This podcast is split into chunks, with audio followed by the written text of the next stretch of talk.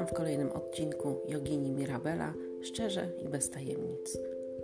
22 listopada 2019 roku. Jak zostać prawdziwą joginką? No właśnie, kim jest prawdziwy jogin lub joginka? Jak wygląda? Co robi? Jak sprawić, aby też stać się jedną z takich osób?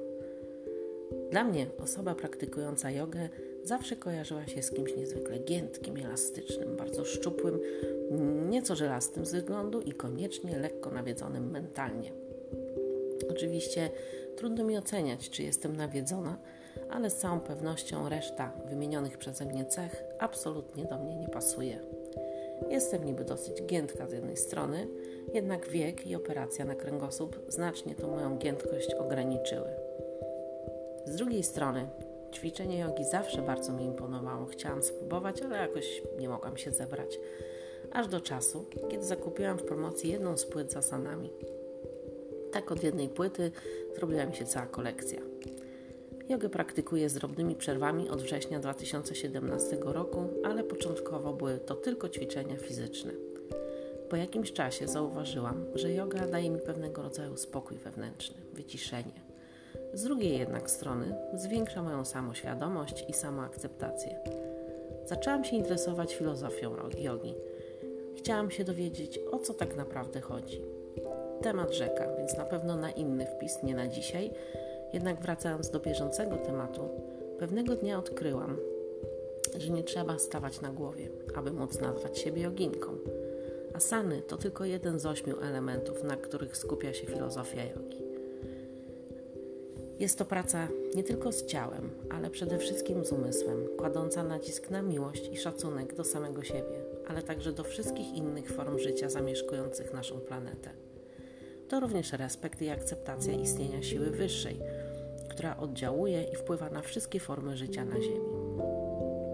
Po dwóch latach praktykowania jogi, choć nadal nie mogę założyć nogi za głowę, a mój kręgosłup ciągle ogranicza mnie w wielu asanach, stwierdzam, że jestem prawdziwą joginką. Yoga tak bardzo wpłynęła na moje życie, że nie wyobrażam już sobie, abym mogła kiedykolwiek zaprzestać praktykowania asan lub stosowania uniwersalnych zasad jogi w moim codziennym życiu. Cały czas czekam na więcej, ale jestem też niezmiernie szczęśliwa i wdzięczna za to, co już dostałam. Rozwój zarówno fizyczny, jak i duchowy wymaga czasu, uczy cierpliwości i pokory.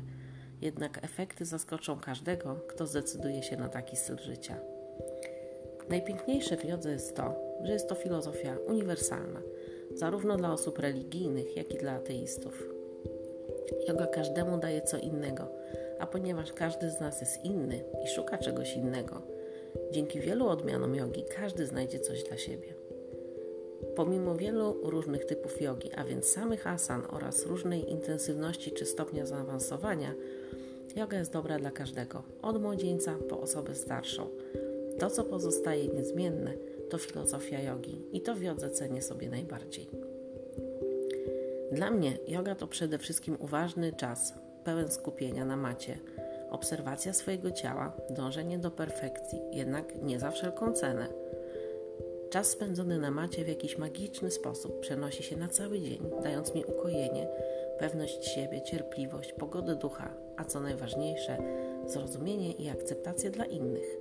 Czy istnieje lepsza filozofia życiowa, dająca tak wiele w zamian za tak niewiele? Skoro mogę ja, po operacji, z ograniczoną ruchomością, z nieraz silnym bólem fizycznym, to głęboko wierzę, że każdy może. Gdyby nie yoga, pewnie do dzisiaj bym nie wstała z kanapy po mojej operacji, która niby dla lekarzy prosta, nie obyła się bez powikłań, które dokuczają mi do dzisiaj. Jednak jestem, ruszam się, pracuję i jestem w miarę sprawna, a wszystko to dzięki jodze. W swoim tempie, słuchając ciała i będąc cierpliwym, zostań joginem lub joginką, tak jak ja. Namaste.